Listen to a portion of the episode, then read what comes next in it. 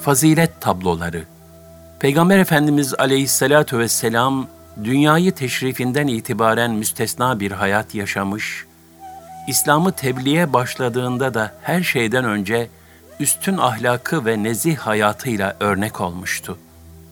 Risalet vazifesi kendisine tevdi edildiğinde, mesuliyetinin büyüklüğünden duyduğu endişeyle muzdarip bir halde bulunan Peygamber Efendimiz sallallahu aleyhi ve sellemi, zevce-i muhteremesi Hatice radıyallahu anha validemiz şu sözleriyle teselli ve teşvik ediyordu. Asla korkma. Vallahi Allah Teala seni hiçbir zaman utandırmaz. Zira sen sıda-i rahimde bulunursun. Doğru söylersin. İşini görmekten aciz olanların yükünü taşırsın. Fakire ihsanda bulunur, hiç kimsenin veremeyeceği kadar verirsin. Misafire ikram edersin. Hak yolunda zuhur eden hadiseler karşısında insanlara yardım edersin. Emanete riayet edersin. Senin ahlakın pek güzeldir. Şüphesiz ki bu ifadeler alemlere rahmet ve insanlığa örnek şahsiyet olarak gönderilen Allah Resulü sallallahu aleyhi ve sellemin gönülleri fetheden sayısız güzelliklerinden sadece bir kısmını sergilemekteydi. Peygamber Efendimiz sallallahu aleyhi ve sellemin İslam'a davet mektubu kendisine ulaşan Umman Meliki Cülendi, önce Fahri Kainat Efendimiz sallallahu aleyhi ve sellemin hayatı hakkında malumat istedi. Efendimiz aleyhissalatu vesselamın yüce ahlak ve faziletlerini öğrendikten sonra da şöyle diyerek Müslüman oldu. Allah bana bu ümmi peygamberi tanımayı nasip etti. O hiçbir iyiliği ilk defa kendisi tatbik etmeden kimseye emretmiyor. Her kötülükten uzak kalıyor ve insanlara örnek olarak o kötülüklerden nehyediyor. O mutlaka galip gelecek. Kendisine mani olunamayacaktır. Mutlaka üstün gelecek, darda bırakılmayacaktır. O ahde vefa gösterir, vaadini yerine getirir. Ben kesinlikle kabul ediyorum ki o bir peygamberdir.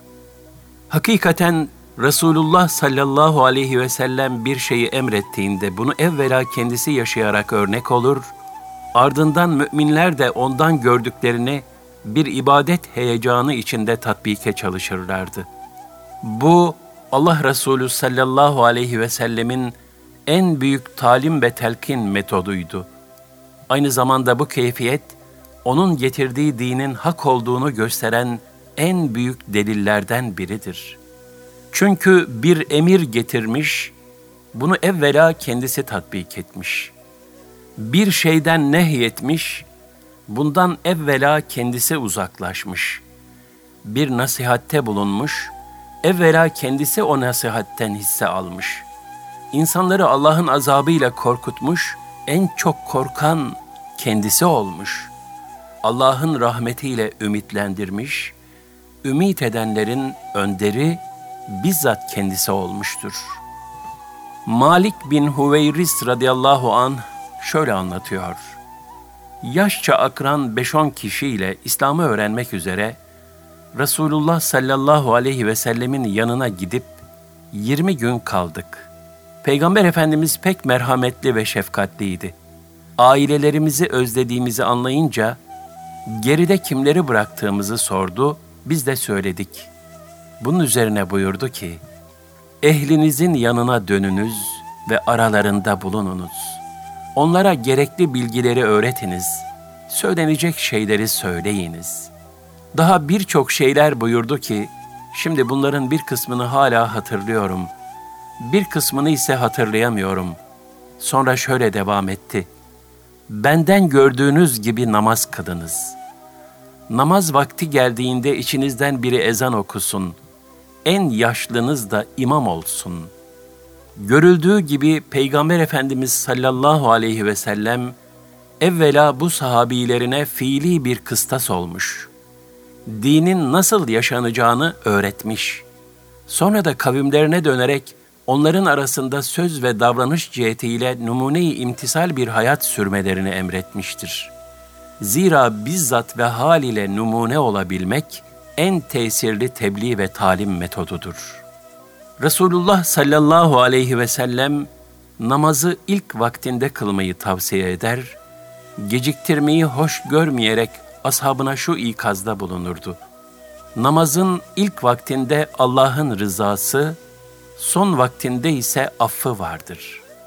Ümmetine böyle tavsiyede bulunan Allah Resulü sallallahu aleyhi ve sellem, bu fazileti herkesten daha titiz bir şekilde bizzat kendisi yaşardı. Zira o, hayatı boyunca namazlarını daima ilk vaktinde kılmıştır. Nerede ve ne hal üzere bulunursa bulunsun, vakti girdiği anda hemen namazını kılmaktan çok hoşlanırdı. Bunun misallerinden biri şu hadisedir. Resulullah sallallahu aleyhi ve sellem ve ashabı bir sefer esnasında dar bir geçide girmişlerdi. Resul-i Ekrem Efendimiz bir bineğin üzerindeydi. Yağmur üzerlerinde devamlı yağıyor, atlarında meydana gelen çamur bataklık halini almış, yere inmelerine mani oluyordu. Namaz vakti de gelmişti. Resulullah sallallahu aleyhi ve sellem müezzine emretti, müezzin ezan okudu, kâmet getirdi. Fahri kainat Efendimiz de bineğinin üzerinde öne geçti ve ashabına namaz kıldırdı. İma ile namaz kılıyordu. Secdeleri yaparken rükudan biraz daha fazla eğiliyordu. Hazreti Ayşe radıyallahu anha validemiz de şöyle der. Resulullah sallallahu aleyhi ve sellem namazı son vaktine kadar iki defa bile tehir etmeden Allah Teala onu katına aldı. Yani bir defa mazerete binaen namazını tehir etmek mecburiyetinde kalmıştı. Onun dışında ise hep ilk vaktinde kıldı. Peygamber Efendimiz sallallahu aleyhi ve sellemin haramları terk hususundaki örnekliğine dair bir misal de şöyledir. Allah Resulü sallallahu aleyhi ve sellem altın kullanmanın erkeklere haram kılındığını asabına tebliğ ederken parmağındaki altın yüzüğü cemaate göstermiş, ben bu yüzüğü takıyor ve kaşını da elimin içine çeviriyordum dedikten sonra onu çıkarıp atmış ve vallahi bir daha onu takmayacağım buyurmuştur. İslam erkeklerin altın yüzük ve benzeri şeyleri kullanmalarını yasaklamıştır. Zira Cenab-ı Hak erkeklerin erkeklik vakarını, hanımların da hanımlık haysiyetini muhafaza ederek yaşamalarını murad etmektedir. İşte bu misalde olduğu gibi Rabbimiz bütün ilahi hükümlerini tebliğ etmesi için kullarına Resul-i Ekrem Efendimiz'i örnek şahsiyet olarak lütfetmiştir.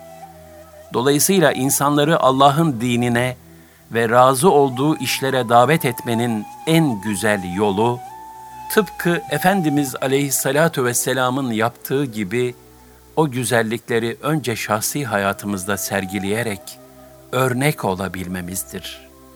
İnsanlar örneksiz yapamadıkları için kendilerine iyi veya kötü muhakkak bir örnek şahsiyet bulurlar. Bu sebeple insanların kendisini örnek alıp tabi olduğu kişiler bilhassa dini mevzularda çok hassas davranmalıdırlar. Zira onların bu husustaki en küçük bir hatası toplumun büyük bir kısmına mal olabilir ve pek çok kişiyi yoldan çıkarabilir. Bir gün İmam-ı Azam Ebu Hanife Hazretleri çamurda yürüyen bir çocuğa rastlamıştı. Ona merhamet ve şefkatle tebessüm ederek, "Evladım, dikkat et de düşmeyesin." dedi.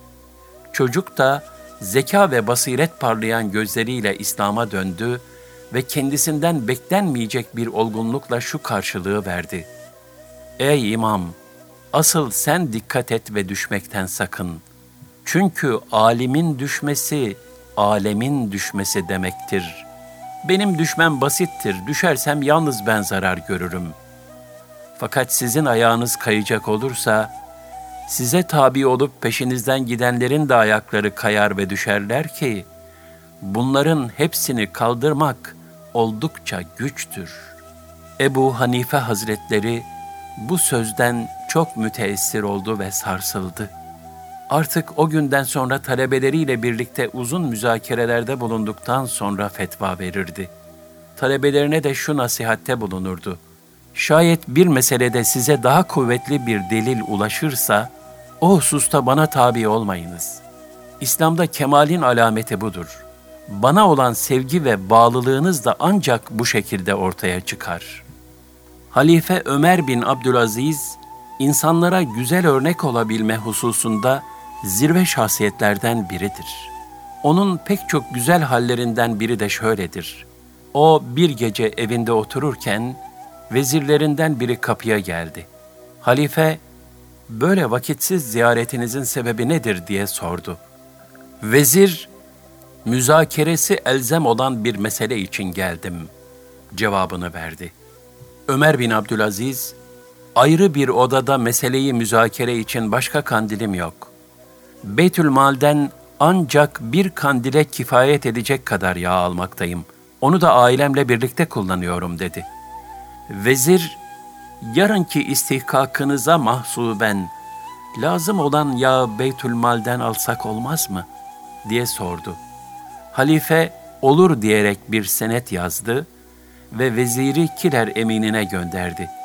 Kiler emini senedi okuduktan sonra bu yalnız yarınki istihkakın senedidir. Kifayet etmez. Halifenin yarına çıkacağına dair de bir senet imzalaması lazımdır. Ve o senedi de getirmeniz icap eder. Cevabını verdi. Bu cevap üzerine çaresiz kalan vezir, kendi evinden tedarik ettiği yağ kandilini alarak tekrar halifenin huzuruna çıktı.'' görüşmek istediği meseleyi müzakere edip karara bağladıktan sonra vezir, halifeye hitaben, ''Efendim, Beytül Mal'den aldığınız şeylerin kafi gelmediği görülüyor. Biraz daha fazlasını emir buyursanız da, bir kısmını ihtiyaten biriktirip, vefatınızdan sonra evlat ve torunlarınızın zaruri ihtiyaçları için bıraksanız, dedi.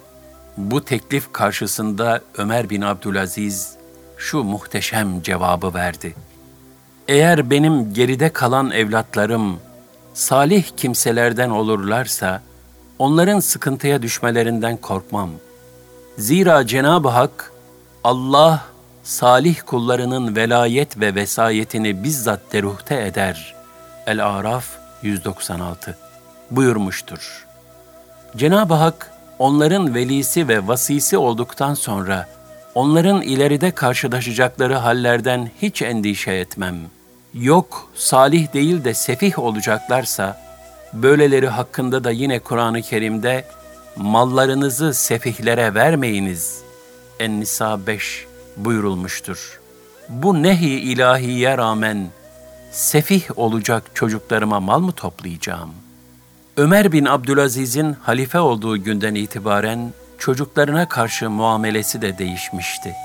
Hilafete geçtiği gün halk büyük kalabalıklar halinde Ömer bin Abdülaziz'e beyat ederken izdiham sebebiyle oğlu Abdülmelik'in elbisesi yırtılmıştı. Bunu gören Ömer bin Abdülaziz oğluna "Evladım, git elbiseni diktir. Zira bugünden itibaren belki bu elbiseden başka bir elbise bulamayacak ve buna muhtaç olacaksın." demişti.'' Ömer bin Abdülaziz her gece kızlarına uğrar, hal ve hatırlarını sorduktan sonra uyumaya giderdi. Bir gece yine onlara uğramıştı. Babalarının geldiğini duyan kızları elleriyle ağızlarını kapatarak kapıyı açtılar. Ömer bin Abdülaziz yanlarında bulunan mürebbiyelerine niçin böyle yaptıklarını sorunca şu cevabı aldı. Yanlarında mercimek ve soğandan başka yiyecek bir şey yoktu.'' soğan kokusu sizi rahatsız etmesin diye ağızlarını kapatıyorlar. Onların bu züht, edep ve hassasiyeti karşısında Ömer bin Abdülaziz'in gözleri yaşardı ve kızlarına, kızlarım, sizin çeşitli ve güzel yemeklerle dünya nimetlerine talip olmanız, babanız için bir ahiret vebali olabilirdi, dedi.'' Her hususta örnek bir şahsiyet sergilemenin ehemmiyetini gösteren şu misal de pek ibretlidir. Emevi halifelerinden Velid bin Abdülmelik güzel binalara meraklıydı. Onun devrinde insanlar da ona bakarak emlak ve bina merakına düştüler. Meclislerde ve mahfillerde devamlı inşaattan bahsedilir oldu. Süleyman bin Abdülmelik yiyip içmeye düşkün bir hükümdardı. Onun zamanındaki insanlar da yeme içme lakırdılarıyla vakitlerini israf ederlerdi. Ömer bin Abdülaziz ise abid, zahid ve takva sahibi bir mümindi. Onun döneminde halk ibadet, taat ve infakta yarışır haldeydi. Meclislerde bu gece evradın neydi? Kur'an-ı Kerim'den kaç ayet hıfzettin? Bu ay kaç gün oruç tuttun ve ne kadar infakta bulundun gibi sözler konuşulur. Böylece insanlar birbirlerini hayra teşvik ederlerdi. Abdullah bin Mübarek Hazretleri kötü huylu bir kimseyle yolculuk yapmıştı. Seyahatleri bitip ayrıldıklarında Abdullah bin Mübarek içli içli ağlamaya başladı. Bu hale şaşıran dostları neden ağlıyorsun? Seni bu kadar mahzun eden şey nedir diye sordular.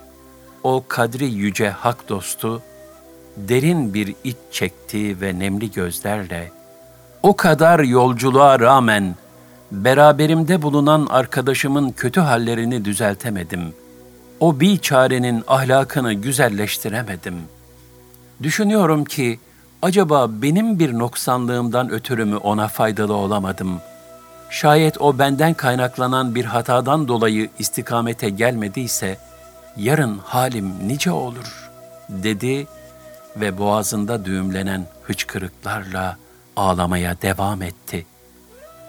Velhasıl insanlar görerek öğrenmeye daha müsaittirler.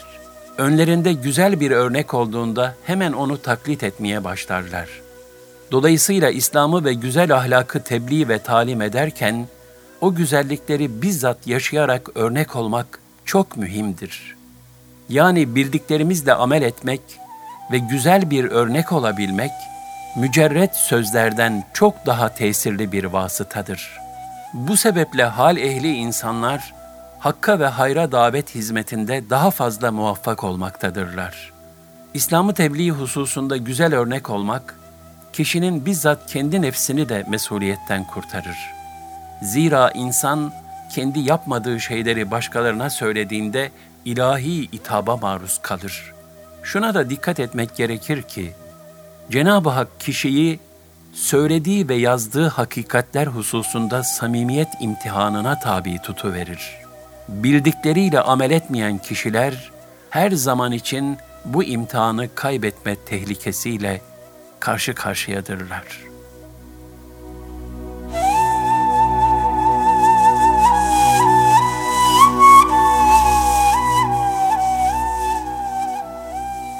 B. Yumuşak bir lisana sahip olmak. Cenab-ı Hak, kullarının güzel, sağlam, dürüst, açık, beli, tesirli, tatlı, gönül alıcı ve yumuşak söz söylemelerini arzu buyurmaktadır. Ayet-i kerimede şöyle buyurulur. Kullarıma söyle, sözün en güzelini söylesinler. Sonra şeytan aralarını bozar. Çünkü şeytan insanın apaçık düşmanıdır. El-İsra 53 Gönle yumuşak söz kadar tesir eden başka bir şey yoktur. Tatlı dil yılanı deliğinden çıkarır darbı meseli de bunu açıkça ortaya koymaktadır. Yumuşak bir lisana sahip olmayı gerektiren en mühim saha da hiç şüphesiz İslami hakikatleri tebliğ faaliyetleridir.'' Pek çok ayet-i kerime ve hadis-i şerifte tebliğin yumuşak ve hikmetli sözlerle muhatabı rencide etmeden yapılması lazım geldiği anlatılmaktadır. Cenab-ı Hak, Musa ve Harun aleyhisselamı Firavun gibi azgın ve doğru yoldan sapmış bir insana gönderirken bile yumuşak bir üslup kullanmalarını emrederek şöyle buyurmuştur. Ona yumuşak söz söyleyin.'' Belki o nasihat dinler veya Allah'tan korkar. Taha 44 Firavun'a bile yumuşak söz söylenmesi emredildiğine göre, onun kadar azgın ve sapkın olmadığı muhakkak olan diğer insanlara karşı nasıl bir üslupla yaklaşmak lazım geldiği kolayca anlaşılabilir. Nitekim Allah Resulü sallallahu aleyhi ve sellemin tebliğ vazifesindeki muvaffakiyeti, onun yüksek hilm ve müsamahasının bir bereketi olmuştur. Cenab-ı Hak, Peygamber Efendimizin bu husustaki fazilet ve kemalini şöyle ifade buyurur. Ey Resulüm! O vakit Allah'tan bir rahmetle onlara yumuşak davrandın. Şayet sen kaba ve katı yürekli olsaydın, hiç şüphesiz etrafından dağılıp giderlerdi. Ali İmran 159 Andolsun ki size kendi içinizden öyle izzetli bir peygamber gelmiştir ki, sıkıntıya düşmeniz ona çok ağır gelir. O size çok düşkündür. Müminlere karşı rauf, çok şefkatli ve rahim, son derece merhametlidir. Et-Tevbe 128 Peygamber Efendimiz sallallahu aleyhi ve sellem de şöyle buyurmuştur. Allah Teala bana farzların ikamesini emrettiği gibi, insanlara lütuf ve merhametle muamele edip, yumuşak söz söyleyerek, onların kalpleri arasında muhabbet filizleri yeşertmemi de emretti. Zünnun-u Mısri Kuddise Sirruh der ki, her ne kadar nefsaniyetleri sebebiyle cahillik edip hoş görmeseler de, insanları muhtaç oldukları hususlarda yumuşak bir lisan ve mütebessim bir çehreyle irşada çalışmak, imanın alametlerindendir. Üslubun güzelliği ve yumuşaklığı yanında samimiyet de başta gelen esaslardandır. Zira meşhur bir darb-ı meselde ifade edildiği gibi, söz kalpten çıkarsa kalbe kadar gider. Dilden çıkarsa kulağı aşamaz. Yine bu hususta Hazreti Mevlana Kuddise Sirruh da, kalbi ve sözü bir olmayan kimsenin yüz dili bile olsa o yine dilsiz sayılır buyurmuştur. Samimi bir kalpten yumuşak bir üslupla sadır olan tatlı sözler, ahlaki olgunluktaki yüksek seviyeyi gösteren alametlerdir. Bu olgunluk hali, kişinin şahsına karşı yapılan kabalık, eziyet ve cefalara sabretmesini ve hatalar karşısında affedici olmasını icap ettirir. Dolayısıyla tatlı bir dil ve yumuşak bir üslup sahibi olmak zor lakin feyizli ve bereketli bir yoldur.''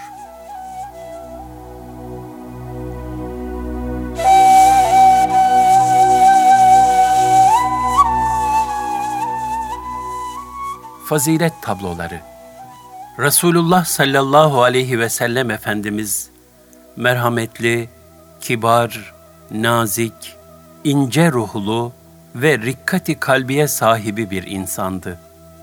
Kaba bir kimse ona "Ey Muhammed!" diye defalarca bağırmasına rağmen o her defasında yumuşak bir üslupla "Buyur, isteğin nedir?" diye mukabelede bulunmuştur. Yani muhatabının kabalığına rağmen hiçbir zaman nezaket ölçüleri dışına çıkmamıştır. Hz. Ayşe radıyallahu anha Peygamber Efendimizin mülayemetini şöyle anlatır. Ahlakı Allah Resulünden daha güzel olan bir başkası yoktur. Ashabından veya ailesinden kim ona çağırsa hemen buyur derdi. Sahip olduğu bu yüce ahlak sebebiyle Allah Teala muhakkak ki sen büyük bir ahlak üzeresin. El Kalem 4 ayeti kerimesini inzal buyurdu. Çölden gelen bir bedevi, Mescid-i Nebevi'nin içinde küçük abdestini bozmuştu. Sahabiler hemen karşı çıkarak adamı azarlamaya başladılar. Bunun üzerine Peygamber Efendimiz sallallahu aleyhi ve sellem, onu kendi haline bırakın. Abdest bozduğu yere de bir kova su döküverin siz kolaylık göstermek için gönderildiniz, zorluk çıkarmak için değil buyurdular. Sonra da rahmet peygamberi Efendimiz sallallahu aleyhi ve sellem o kimseye mescitlerin ehemmiyetini ve adabını tatlı bir dille izah ettiler. Sa'd ed-Delil radıyallahu an Allah Resulü sallallahu aleyhi ve sellemin nezaketini ve tatlı dille irşadını şu şekilde anlatır. Hicret esnasında Allah Resulü sallallahu aleyhi ve sellem Ebu Bekir radıyallahu anh ile birlikte bize uğradı. O sırada Ebu Bekir'in bir kızı kabilemizde süt annesindeydi. Resulullah sallallahu aleyhi ve sellem kısa yoldan Medine'ye varmak istiyordu. Biz kendisine burası Rekube geçidinin gair yoludur. Burada Eslem kabilesinden Mühanan diye bilinen iki hırsız vardır. İsterseniz onların üzerine biz varalım dedik. Resulullah sallallahu aleyhi ve sellem sen bizi onların yanına götür buyurdu. Bunun üzerine yola koyulduk. Rekube yokuşunu çıkıp yanlarına vardık. Alemlerin sultanı Efendimiz onları yanına çağırıp yumuşak bir lisanla İslam'ı anlattı ve Müslüman olmalarını istedi.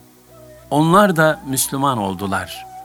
Allah Resulü sallallahu aleyhi ve sellem isimlerini sorduğunda biz mühananız, hakir görülen iki kişiyiz dediler.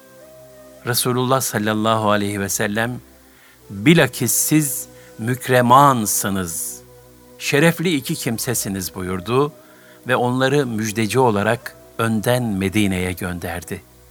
İbn Ömer radıyallahu anhüma anlatıyor. Ben bir seriyeye katılmıştım. Askerlerden bir kısmı firar etti, ben de işlerindeydim. Ordudan uzaklaşınca, şimdi ne yapacağız? Cihattan kaçtık. Allah'ın gazabıyla dönüyoruz diye aramızda konuştuk. Sonunda Medine'ye girelim.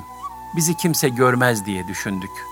Ancak Medine'ye varınca Resulullah sallallahu aleyhi ve sellem Efendimiz'e gidip kendimizi arz edelim. Bizim için bir tevbe imkanı varsa onu yerine getirelim, yoksa geri dönelim diye kararlaştırdık. Sabah namazından önce mescide varıp beklemeye başladık. Allah Resulü sallallahu aleyhi ve sellem mescide geldiğinde ayağa kalktık ve biz firarileriz dedik.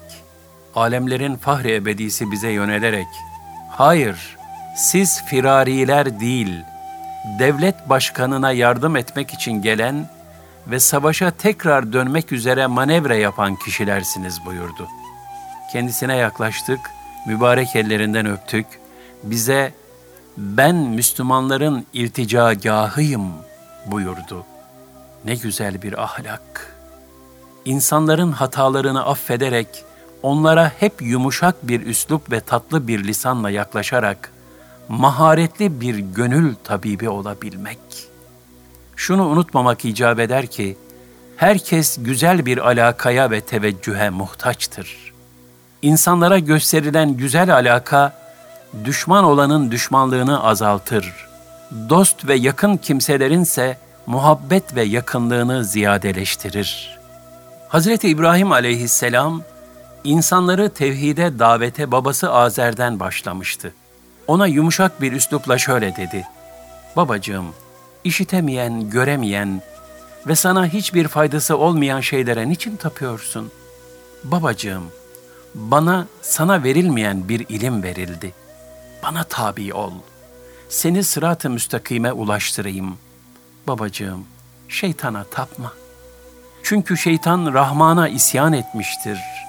Ey babacığım, Doğrusu ben sana Rahman'dan bir azap dokunup da şeytana cehennemde arkadaş olmandan korkuyorum.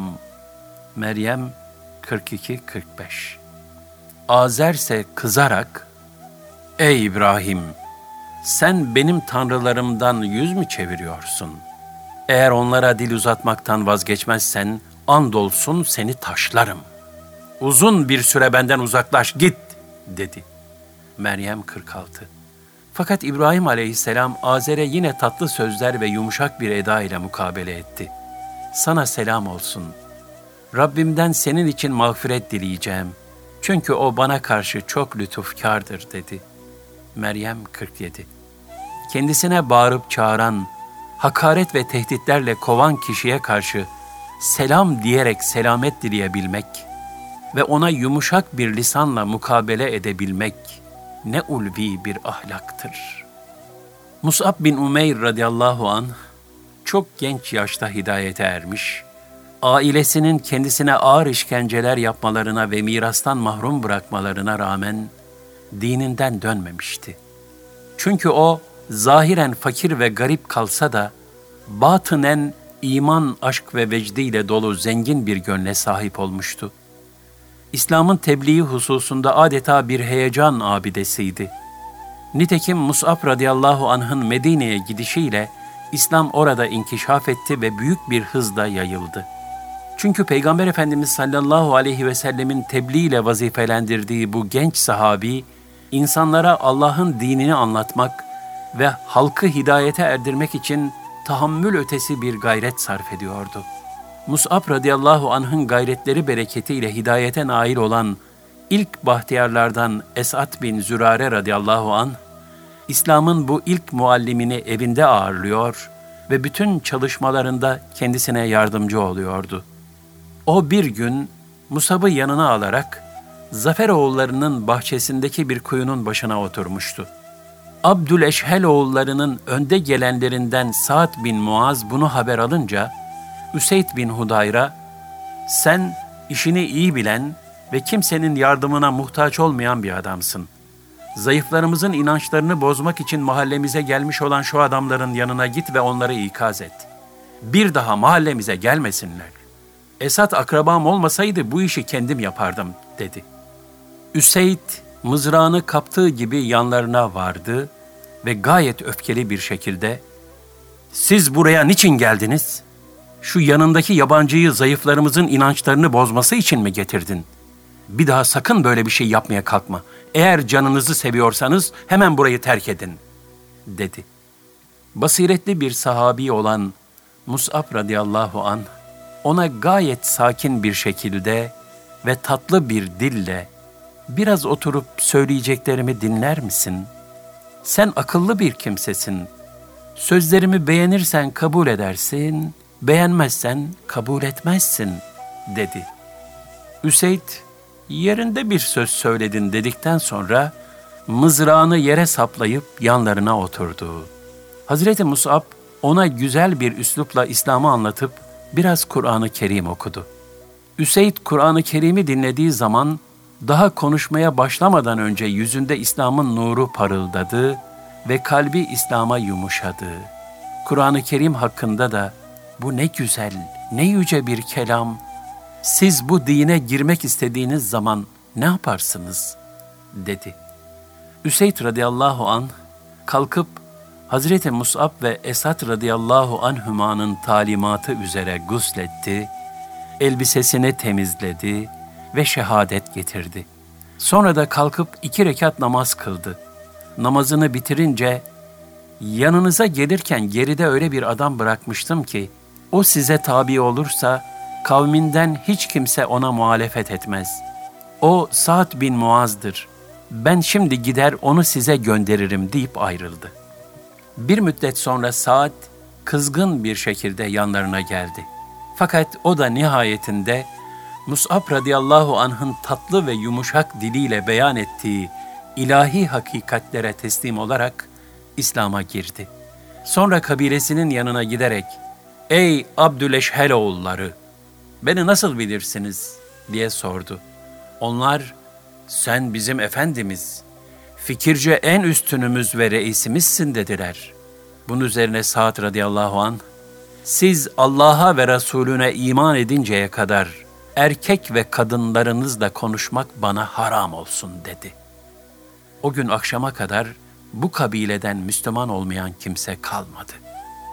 İşte tatlı bir dil ve yumuşak bir eda ile İslam'a davetin bereketi, yüzlerce sadakayı cariye.